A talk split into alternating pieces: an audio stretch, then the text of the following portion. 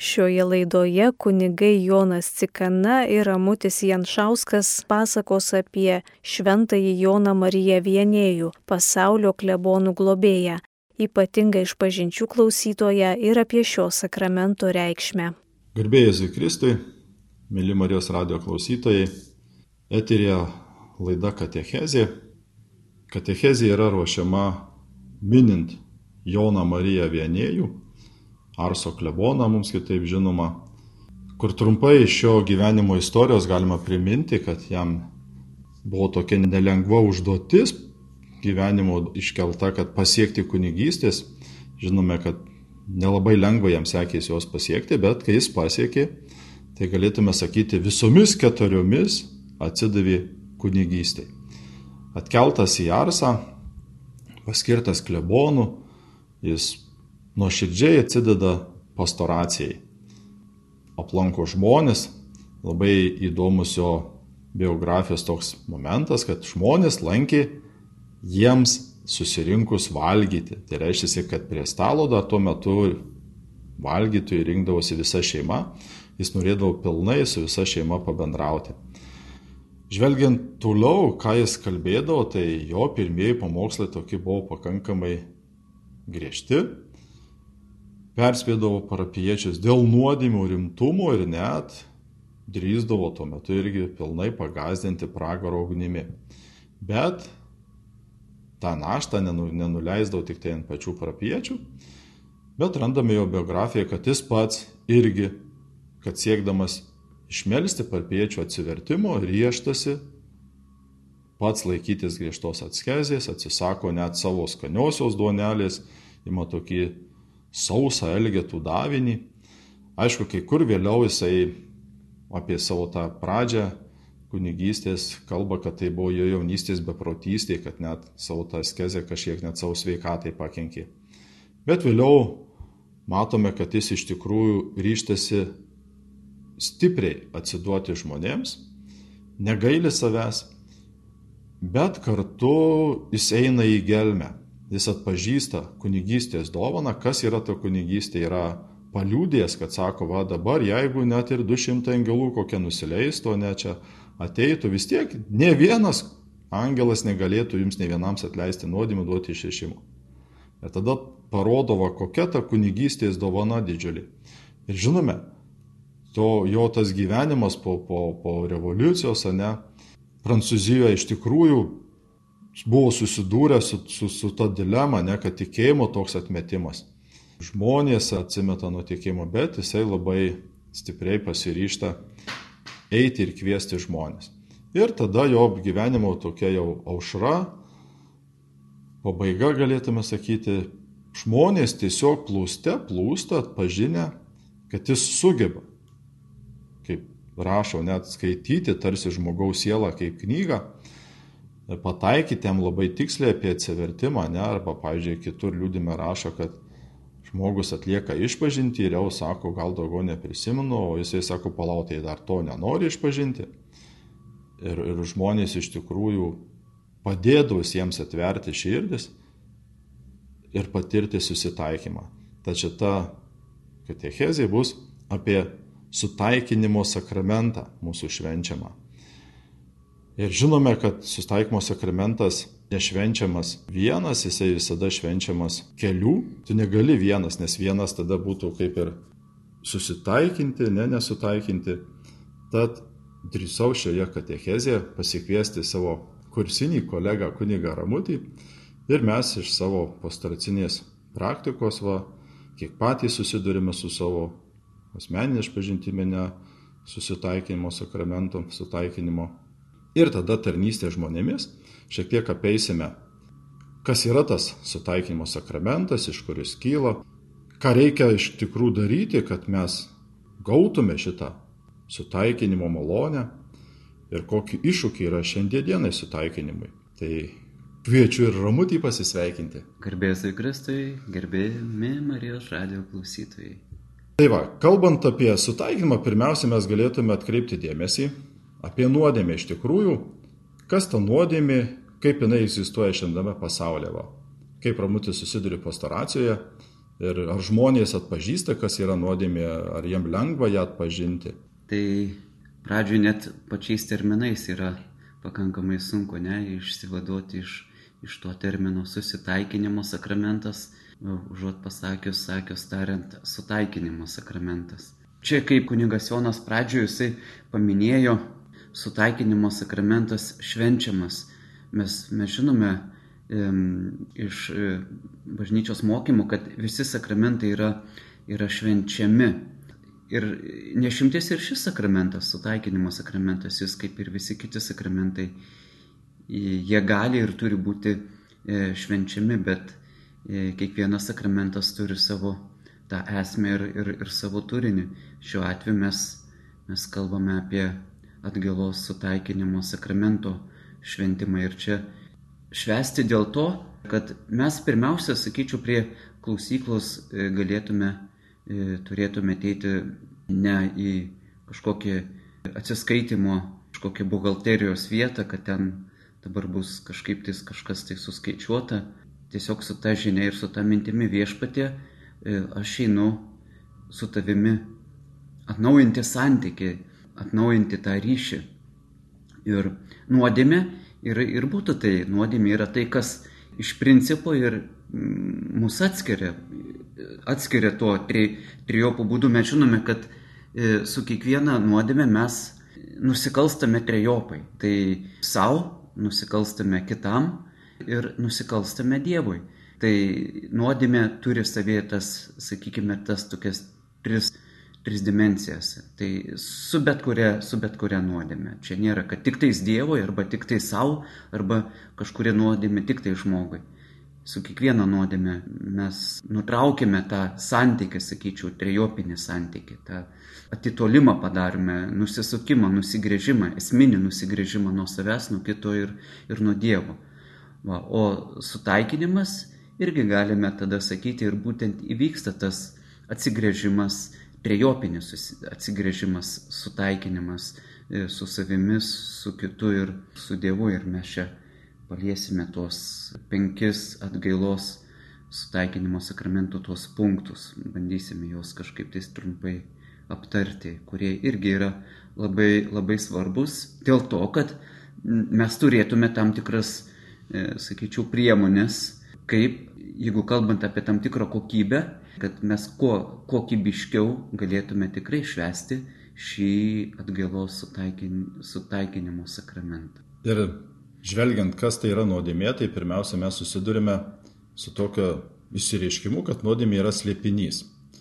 E, slėpinys todėl, kad iš tikrųjų, kad padarytų žmogus nuodėmę, turi jis turėti laisvą valią, turėti tada proto galę ir suprasti, ne, kad daro pasirenka blogį Ir vėl tada, kodėl tai yra slėpinys? O todėl, kad yra blogio jėga, kuris suinteresuota, kad žmogus suklystų ir toje klaidoje pasirinktų nuodėmę. Ir nuodėmę pasirinkti ne šiaip savo dėl blogio, bet žinome, kad blogio dvasia mums pavydė ir tai yra melo tėvas, kuris pavydė mūsų bendrystį su Dievu ir todėl va, kad ir nors asmeniška kažkokia nuodėmė ne, bet jinai visada paliečia va tą santykį su Dievu, nes aš esu Dievo kūrinys. Toliau, vėl kodėl, kaip Ramutis paminėjo, net tas trijopas santykis, todėl kad Dievas sukuria žmogų kaip savo paveikslą ar panašumą ir sukuria mus kaip bendruomeninę būtybę. Tai reiškia, neegzistuoja vienintelis vienas toks ramutis visoje visatoje, ar Jonas, ar dar mes kiekvienas asmeniškai. Tai reiškia, kad mes egzistuojame kaip bendruomenė. Ir štai, kai mes egzistuojame kaip bendruomenė, Todėl mano net ir asmeniška nuodėmė liečia ir mane, ir bendruomenę, nes aš atstovauju bendruomenę, ne, koks aš tokia bendruomenė, ir kartu va tą mūsų kūrinio ir kūrėjo santykių. Todėl turi būti atstatoma visa šita tri, tri, tri, trijopas lygmo. Ir žiūrėkit, tas pirmas punktas einant į sutaikinimo sakramentą yra nuodėmės prisiminimas. Žinome, kad mums Gal e, pirmiau būtų galima pasakyti, kad nuodėmės jos, e, žvelgiant į katekizmą, kad nuodėmės jos būna sunkios arba lengvos nuodėmės. Labai dažnai tenka išgirsti, kad žmonės sako, nusidėjau būtinėmis nuodėmėmis, šeimininėmis nuodėmėmis. Ten įvairiausių tų nuodėmių prigalvoja, iš, iš tikrųjų tikrai kartais ne, net juokas iš tikrųjų paima būnant, būnant klausyklų, bet o jeigu taip žiūrint e, techniškai, tai yra tais sunkios arba e, lengvos nuodėmės. Taip, ir tada va, tas atsiminimas, kad mums jas padėti prisiminti, padeda tokia įdomi dvasinė programėlė žmogui padovanota iš Dievo, kurią mes vadiname sąžinę. E, bet žinome, kad nebūtinai sąžinė mums visada teisingai primins, nes aš turiu tą programėlę naudotis, kaip ir kiekviena kita. Žiūrėkit, mūsų išmanėjai gali turėti daug įvairių programėlių, bet jeigu aš jos niekada neatsidarau, jie nesinaudoju, tai man jokios naudos iš to. Tai lygiai taip pat ir sąžinė. Aš turiu išmokti sąžinę naudotis toliau turiu sąžinę ugdyti, turiu bandyti pažinti, ne va tą blogio kilmę, blogio pasiekmes, kokios paskui ištinka ir taip toliau, kad aš va jį sąmoningai sužinočiau, kad, kad to, to blogio lygiai. Nes jeigu kitaip, tai aš savo sažinytę numigdavo, ne kaip ir šiom dienomis, galime visuomenėje daug matyti, tai daug yra mėgančių sąžinių, arba tada klaidinančių sąžinių, ne, atrodo žmogui reikalinga gyventi pagal sąžinę. Ir atrodo, va iš čia gyvena pagal sąžinę, bet jeigu jo sąžinė užmigdyta ir klaidinanti, tai klausimas, ar tas gyvenimas pagal tą sąžinę nuves žmogų išganimą. Tai va šitas nuodėmių prisiminimas mums padeda naujai pažvelgti, va kas iš tikrųjų ta nuodėmė. Bet, bet sąžinė, ji gali būti ir, ir sumišusi, gali būti ir sutrikusi, gali būti ir ta rigoristinė sąžinė. Tai ta prasme, kad žmogus jisai pernelyg skrupulingai ir labai kietai turi tam tikrą savęs ir, ir, ir tos aplinkos vertinimą. Tai va, kažkuria prasme galima sakyti, kad sąžinė ji nėra absoliutus dievas iš tikrųjų. Tai, bet kad mes galėtume e, kalbėti e, apie tai, kas, kas yra sunki nuodėmė, mes turėtume atkreipti dėmesį į dekalogą, tai yra dešimt dievų įsakymo ir aiškus suvokimas, supratimas, tai yra nusidėjimas svarbios, svarbiose dalykuose. Suvokti, suprasti ir, ir laisva valia turi būti, ne? tai kad mes galėtume kalbėti apie nuodėmę, sunkę nuodėmę kaip tokią iš tikrųjų. Tai va ir nuodėmės prisiminus, jas žinant, tai žinome, kad sunki nuodėmė, galim va tokį kaip pavyzdį, aš visada duodu Pavyzdžiui, man labai patinka, ar su jaunimu, ar kitos, ar suaugusių katechezėse kalbant. Pavyzdžiui, mums, kas visiems labai aišku yra, mes mėgstam įvairų sportą ir kiekvienas sportas turi savo taisyklės. Ne? Ir dabar žiūrėkite, sporte, kada duodama žmogui pažanga, kada duodama techninė arba net šalinama iš aikštelės ir taip toliau. Ne? Kada jis tą pažangą pasiekia samoningai jo siekdamas. Nes jeigu, pavyzdžiui, žiūrėkit, du žaidėjai netyčia viens į kitą atsimušė, to visai nesiekdami, dar net teisėjas net neskiria jokios pažangos. O jeigu net ir švelniau, bet tu specialiai tyčia subauduoji, tai žiūrėkit, būna ir ten geltona, ir raudona kortelė, ir ten baudinys metamas ar spiramas, ir dar net tu pašalimas iš žaidinių ir taip toliau. Tai va lygiai tas pats to mūsų laisvos valios, tas suplanavimas ir mano laisvas prisimimas va, sudalyvauti blogyje tai irgi tada va tą nustato ne nuodėmės dydį, bet dar kartu aš turiu atsižvelgti, kam tas daromas, tas blogis, ne? Pavyzdžiui, žiūrėkit, va, aš dirbu pas kokį nors milijardierių, skaitykime, nauji lietuviai, ir ten netyčia iš jo išeidamas iš darbo ten įsinešu kokį metalo gabaliuką, ne, ten, kad ir už kokį šimtą eurų. Nu, va, tai tam milijardieriui gal ten tau 100 eurų, ta žala beveik jis ten net ir nežino, kad aš įsinešiau, ten jis nepajunta to gamybą ir taip toliau. Bet aš jeigu va, suplanuoju, nueinu į kokį kaimą, močiutė gauna ten tą varganą pensiją kokius 2-300 eurų ir aš iš jos pagrubiu tą 100 eurų. Tai suzuota šią visą trečdalį jos mėnesio pragyvenimo pavagiu. Tai va tada tas dydis, ne, atrodo ta pati suma, bet vienu atveju gali būti lengva nuodėmė, kitu atveju sunki, nes žiūrint, kam kokią žalą aš padarau. Tai va, turim pirmiausia išmokti, va tas prisiminti nuodėmės jas atpažinti ir tada ryštis jau išpažinti. Ir antroji sutaikinimo sakramento dalis yra nuodėmių išpažinimas. Dabar šiais laikais irgi labai susidurime, kodėl eiti tos individualios išpažinties, ne? kodėl neužtenka man čia vienam su Dievu kažkur pasikalbėti. Arba ten, kaip mūsų darė protėviai, ten nueiti į mišką, apsikabinu ažalą ir ten atlieku išpažinti. Kaip čia būna su tuo išpažinimo, ar jis privalomas, nuodimų išpažinimas, kaip atrodo Romatė? Jisai yra privalomas, nes mes, sakykime, net šventame rašte atrandame tą įgaliojimą, kur Jėzus sako savo mokiniams, kam atleisite nuodėmės, tiems jos bus atleistos, o kam sulaikysite, sulaikytus. Mes randame, kad Jėzus tiesiog savo paštulams jisai įgalioja. Ir žiūrėkit, nuodėmės išpažinimas vėl ką padaro. Vėl mane pastato prieš tą faktą, kur kiekviena nuodėmė paliečia tą trigubą santykį. Mane, artimą ir Dievą. Ir aš tada ateinu pas kunigą, kuris sakramento gale veikia persona Kristi reiškia per kitą ir tiesiogiai atsiprašyti Dievo. Tai reiškia atstato tą visą sulaužytą nuodėmės trigubą santykį. Dabar vėl jau buvo paminėta, ne, kad mums svarbu išpažinti visas nuodėmės, nenuslėpti, ne, jeigu aš kažkokios labai gėdėjosi nuodėmės ir ją nuslėpčiau, tai mano išpažintis iš karto netenka galios ir net dar aš padarau vadinamą šventvagystę. Ir tada reiktų man ištaisyti kitą kartą, ne, jau susigaudžius nuodėmę ir tik po tos paskutinės tikros išpažinties. Todėl, žiūrėkit, baigiant išpažinti visada žmogus pasako, kad daugiau nuodėmių neatsimenu. Reiškia, kad tikrai nieko nenuslėpiau. Jeigu ir kažko neatsiminsiu, ne, tai išpažintis galios. Jeigu buvau pamiršęs, tai kitą kartą aš galiu prisiminęs išpažinti ją. Bet svarbu, kad aš tikrai nieko nenuslėpčiau. Mes daug tų prasmių galime atrasti, kodėl žmogus jisai turi išpažinti šiuo atveju, išpažinti atlikti kunigui, nes čia ateina, ateina žmogus, jis ateina prie klausyklos ne tik tais kaip dvasia, bet jis, jis ateina kaip vienis, tai savo, savo dvasios, psichikos ir kūno.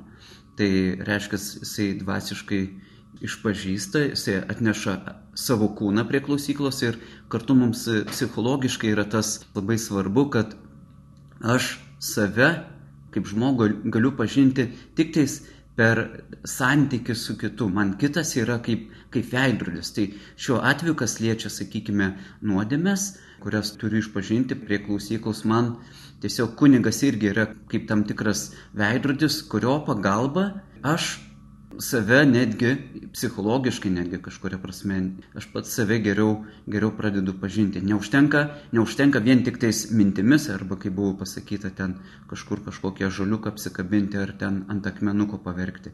Aš tiesiog e, turiu kaip žmogus žmogui tai vardinti ir pasakyti. Net ir, sakykime, psichologai, psichoterapeutai, jie, jie irgi apie tai kalba, jeigu kalba tam psichologinėme lygmenyje, kodėl šiandien yra tas toksai didelis anšlagas žmonių įėjimas į psichologinius kabinetus.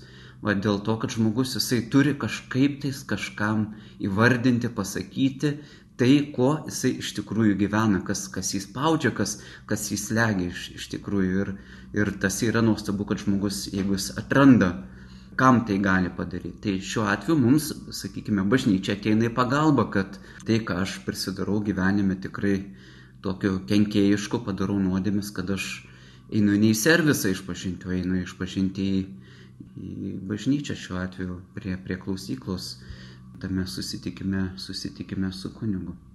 Va ir prisiminkime tą Jėzaus dar pasakymą Petrai, ne, kam atleisi nuodėmės, tiems bus atleistos, kam surišite, surištos. Žinome, kad kiekviena nuodėmė mus irgi supančio su nuodėmė, su blogiu, su to blogio padariniu ir kad iš jo mes išeitų mums reikalinga va tas išpažinti, kad gautume tą išrišimą. O dar sekantis ten šalia dalyvaujantis asmo, kuris net ir veikia persona Kristi, padeda mums iš tikrųjų atpažinti, ne, duoda ir patarimą, kaip nutraukti tą ryšį, ne, kaip jau nekartoti. Ir kita vertus, atėjusiam iš pažinties atgailos sutaikinimo sakramento švesti yra labai svarbu išgirsti tą žinią. Tau tavo nuodėmės yra atleistos. Va čia ir yra ta, sakyčiau, kulminacija. Tai, kad šis sakramentas yra švenčiamas, nes kunigas jisai pasako, kunigas įvardina, tau tavo nuodėmės yra atleistos. Va ta žinia arba tą žinią išgirsti mums yra tikrai, atrodo paprastas dalykas, bet, bet yra labai svarbu mums.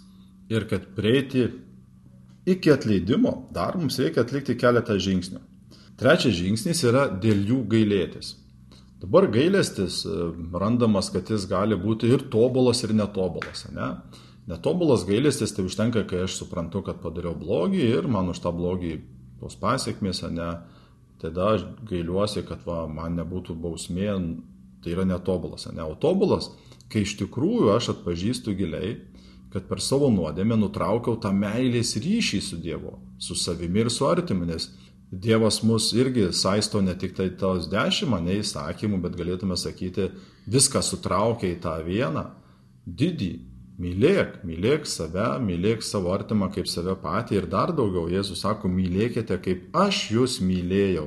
Tai va, va tas peržvelgti irgi tas visas nuodėmės ir išmokti gailėtis dėl to, kad sulaužiau kažkur nuodėmę, suprantat, va tą meilės ryšį, kuris iš tikrųjų tas gyvybinis, ne, kuri padeda man išgyventi ir kaip žinome, kad Dievas įdeda mums tą meilės trauškimą, būti mylimam ir mylėti. Ir va ta nuodėmė būtent neįsiterpia iš tą santykį.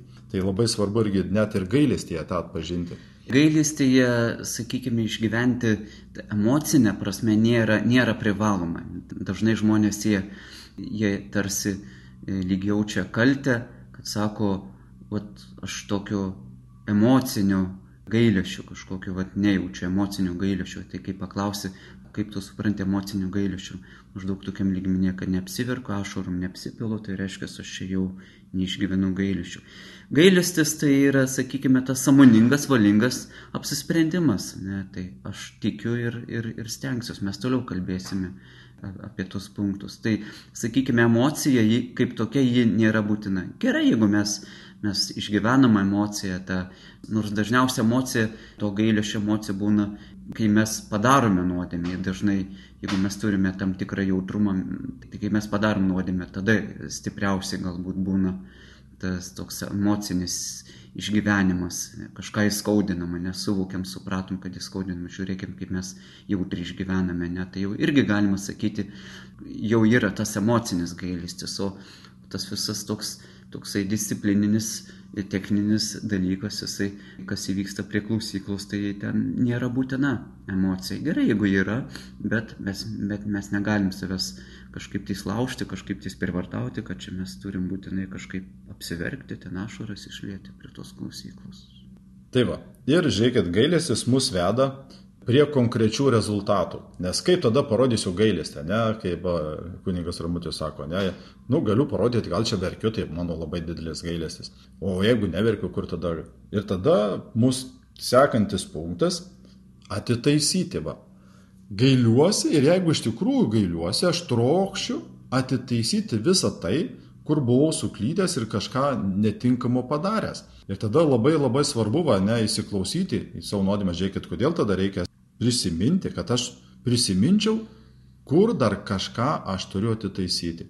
Ir tarpusio mūsų tuos asmeniniuose santykiuose, žiūrėkit, kaip pats Jėzus sako, jeigu eini prie altoriaus, atsimeni, kad turi šitą prie savo brolio, tai sako, palik auką, grįžk susitaikinti ir tada pareisi vėl toliau tęsti auką. Tai vat, atsitaisimas irgi apima labai svarbų dalyką. Tai tas atitaisimas, jisai kartu įjungia tam kitus du, sakyčiau, elementus pas mus. Tai ne tik emocija, bet ir protą ir valią. Aš protu turiu suvokti, ką aš padariau, valios pastangomis darau tą judesi, sakykime, žingsnį link to objekto, su kuriuo aš turiu susitaikyti. Ir atitaisimas apima, kad va jeigu reikia, ne, pavyzdžiui, tarp asmeniniuose santykiuose su žmonėmis, ne savo šeimos nariais, po išpažinties aš irgi dažnai, jeigu būna išpažinta kažkur santykiai, paklausiu, ar jau susitaikėte, jeigu ne, tai net būna vienas iš atgailos punktų, ne, grįžti, atsiprašyti, tada padaryti kažkokį meilės darbelį, vien jau tik, kad pasakyti, kad aš tave myliu, ne, ir taip toliau. Vėl, žiūrėkit, tas pats visuose kituose dalykuose, ne, jeigu aš kažkur kažką pasisavinau, ne, nu, aš turiu atitaisyti tą blogį. Tas pats ten kažkur mokesčių nesumokėjau, ne, kažkur pasėmiau kažką ne savo, turiu tą daiktą gražinti. Suprantat, nes nu kaip tada įvyksta, ne, kaip aš ir vaikams sakau, va, ateinu, pasiūgau dviratuką, nu jau iš pažinties, nu tai kaip smagu, aš jau turiu dviratuką, nes man atleido. Ne, aš tą dviratuką turėsiu su širdgila, su atsiprašymu gražinti ir jeigu dar jam kažką subraižiau, dar, dar turiu tai atlyginti. Suprantate, tai va, ta kiekviena nuodėmė Gailėsis turi peraukti į tą rezultatą, kuris turi matyti mano nuodėmės atitaisymą. Tai o iš meilės būtų geriau, kad gražinti geresnį dviratuką negu paėmė. Va, tada einu dirbti, neuždirbu ir duodu jam naują. Tai va, tai irgi šitas punktas jis turi būti, nu, neatsiejamas, jis svarbus, kad aš turiu bet kokį, va, tą, pavyzdžiui, irgi net ten kažkur apkalbėjau žmogų, neapšmeižiau. Tai vėl priklauso, nu, nu, kiek su kuo kalbėjau, irgi tada turi eiti atitaisyti. Žiūrėkit, net būna tie lygiai, kad net į teismą žmonės kreipiasi, teismas, ne, prispaudžia tą reikalą atitaisyti. Bet vėl visa tai turi būti daroma irgi su nuoširdumu. Kaip pavyzdžiui, atitaisimas, va galim net anegdotą tokį jums priminti. Ten aišku apie žydą, tai sako, va, žydas ten susipyko su kitu žmogumi, ten jį įžeidė, nu ir teismas jam priteisė, kad jis turi pripažinti savo kaltę ir atsiprašyti. Ir tada jis sako, aš kaltas? Atsiprašau. Va. Tai matome, kad tas irgi atsiprašymas nebūtinai būna nuo širdos. Tai va, žinome, kad tai turi eiti giliai iš mūsų širdies ne, ir atitaisyti tą skriaudą, kuri buvo padaryta. Tada dar sekantis punktas, dar kol kunigas melsis mums išrišimo maldą, ne, ir toliau dar mes ją paliesim kieno vardu, net tas įvyksta sutaikinimas.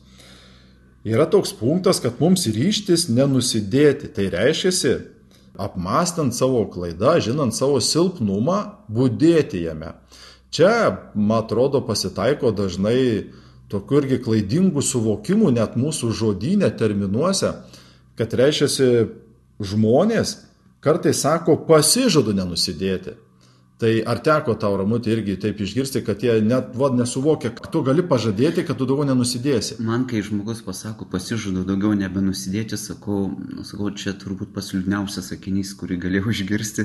Tai sakau, reiškia, daugiau jūsų prie klausyklos nesulauksime, nes reiškia, tu daugiau nuodėmių nebepadarysi. Sako, jūs ką, kunigai, juokaujate, tai žinoma, kad padarysi. Bet tai sakau, jūs ką tik pasakėte, kad daugiau nebenusidėsite.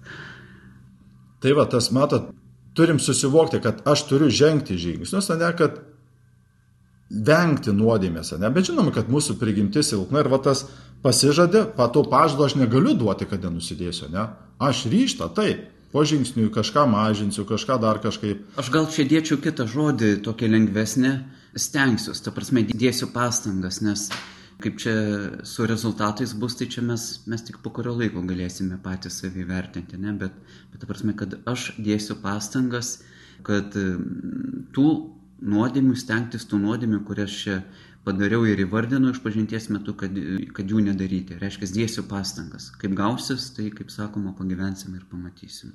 Va, ir žiūrėkit, tos pastangos apima įvairius dalykus. Pavyzdžiui, net tam tikrų ryšių nutraukimas, ne?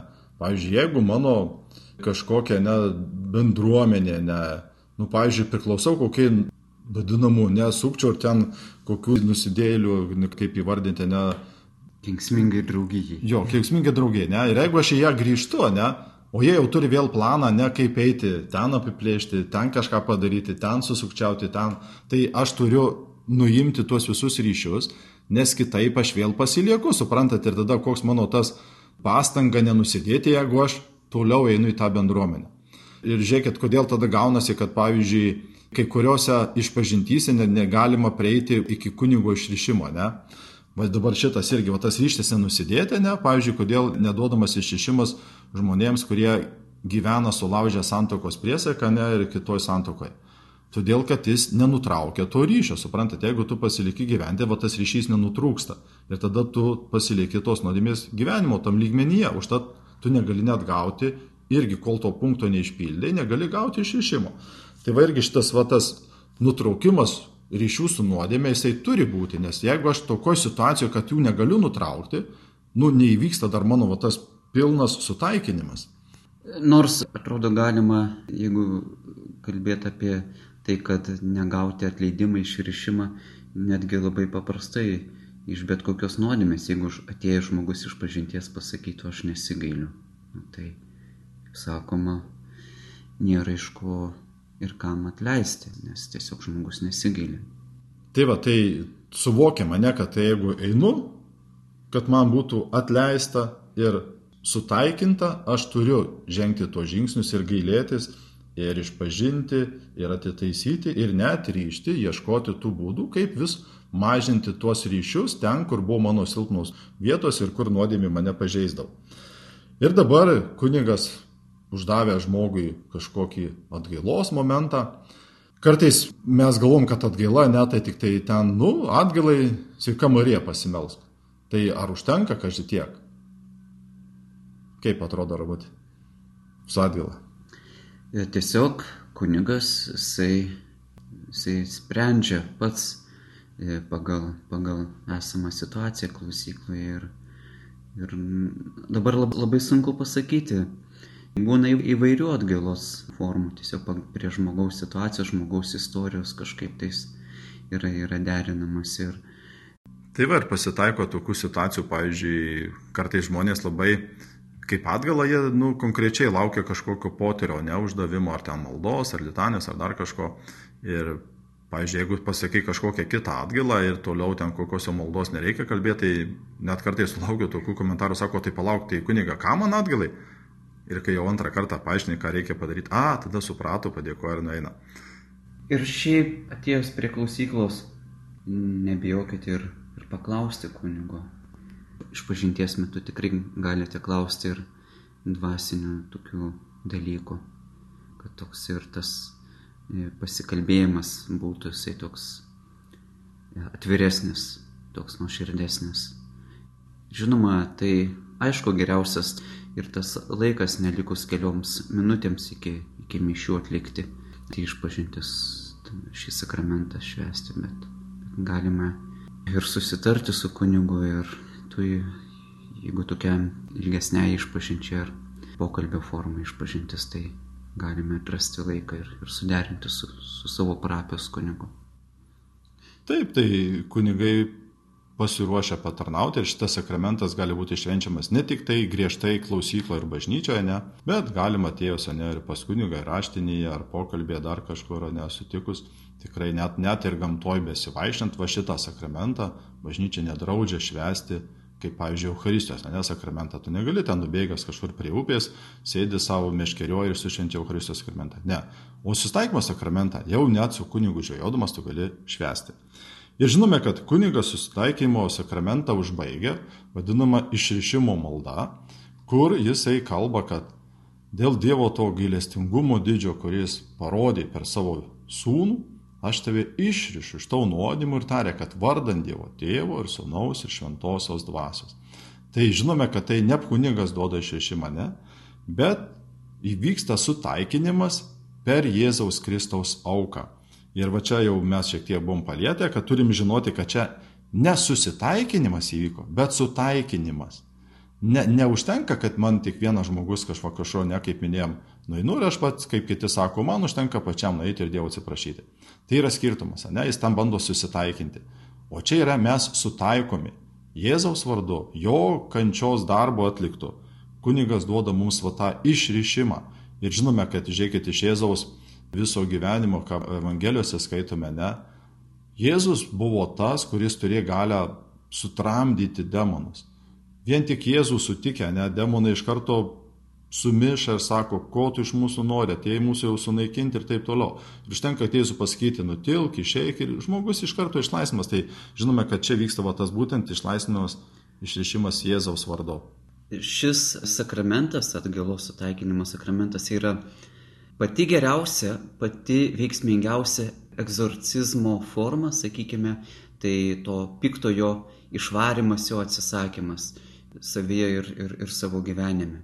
Tai aš tikrai pabrėžiu, nes kad yra pati geriausia ir veiksmingiausia egzorcizmo forma, būtent atgalos sutaikinimo sakramentas, nes dabar tikrai yra toks, toks trendas, tikrai kas biški, kas truputėlį ten Labai žmonės mėgsta lakstyti pas egzorcistus ir ten atrodo jokios pastangos nereikia, ateina, pastovi, pasimilčia ir, ir kažkaip ties ten labai sumistifikuoja ir, ir kartais man toks įspūdis, kad tam tikrą kažkokią magiją mes nenorime užsiminėti. Bet, bet tikrai išpažintis galbūt atrodo toks labai toks techninis, trafaretinis toks veiksmas, bet, bet jo vaisiai, jo, jo nauda mūsų gyvenime tikrai yra, yra labai, labai svarbi. Ir atgailos ataikinimo sakramentas, kodėl, sakyčiau, jisai ne tik šiais laikais, bet ir, ir anksčiau jisai turėjo tam tikrą krizę ir jisai nėra, kad būtų labai, labai populiarus tarp pačių katalikų iš tikrųjų. Tai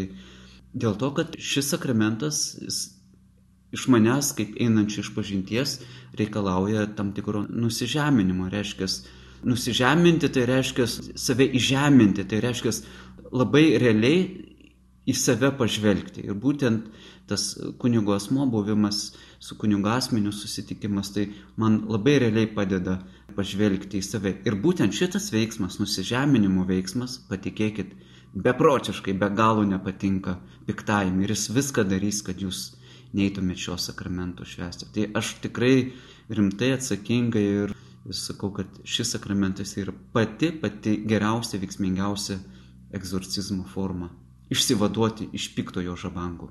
Tai va ir matome, kad katalikų bažnyčia jį saugodama, iš tikrųjų kai kurie krikščionys, ne, jį kažkaip kitaip šiek tiek palieka, ypatingai protestantai, ne, bet vėl sugrįžta, kad, kad reikia mums to, kad reikia. Ir labiausiai yra atliepas į tą Jėzaus pirmą kvietimą, kai jis pradeda mokyti žmonės. Prisiminam, ką jis kviečia, sako, atsiverskite ir tikėkite Evangeliją. Atsiversite reiškia, ką ir Jonas kvietė atsivertimo tas krikštas, ne? Ateinu, išpažįstu nuodėmės. Ir Jėzus dar pripildavo tas tikėti Evangeliją, tai yra geroji naujiena. Dievas atsiunčia savo sūnų, kuris savo auka mus išlaisvino, ką ir kunigas Ramutis sakė, va tas egzorcizmas, ne, mus nuo to viso blogio, kurį samoningai įvardinau, esu išlaisvinamas ir išrišamas.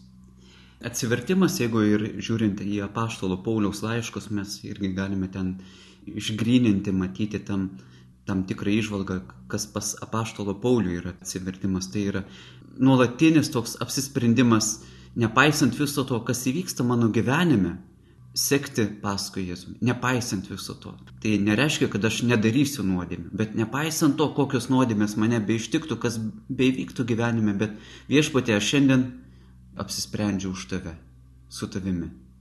Va ir minint šventį Joną Mariją Vienėjų, kuris irgi savo didžiulę kunigystės laiko dalį skirdavo susitaikymo sakramentui su žmonėms švesti, šalia visų tų mokymų, kitų patarnavimų, liūdime, kad iš tikrųjų ir patys einame dažnai susitaikymo sakramento ir jeigu mes prisimename mūsų popiežių, Pranciško, net tik po išrinkimo, tos pirmosios nuotraukos, kur pasirodo eterija Pranciškus suklubęs prie klausyklos, tai kviečiu raginu visus tikinčiuosius įvertinti šitą sakramentą, eiti jo samoningai, neusilaikyti tos kažkokios nuodėmių išmoktos klišės, bet samoningai nuodėmės pažvelgti.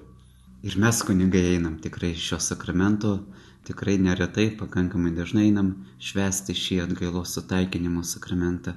Tai mes irgi žinom, ką tai reiškia ir tikrai būna tų širdies drebėjimų ir, ir tų, tų nejaukumo iš tikrųjų, bet mes irgi lygiai taip pat žmonės irgi mūsų gyvenimuose įvyksta labai daug, ką mes kažką negero padarom, dėl to ir mes tikrai švenčiame šį sakramentą. Tai linkime jums visiems iš tikrųjų atrasti šitą naują sakramentą, tą jau visą didžiulę malonę, kaip varikuningas Ramutis pabrėžė, net tai yra didžiausias egzorcizmas iš tikrųjų už visus kitus. Ir jis įmanomas švesti, nereikia kažkur mums bėgioti ir Lietuvoje ten susirasti tuos kelis kunigus, kurie turi tą egzorcizmo neišrišimo tą maldą, bet va šita malda mus visus gali bet kada, bet kur imti ir išlaisvinti. Tai prie mikrofono tarnavo jums kunigas Jonas ir kunigas Ramutis. Sudėjau. Kalbėjo kunigai Jonas Cikana ir Ramutis Janšauskas.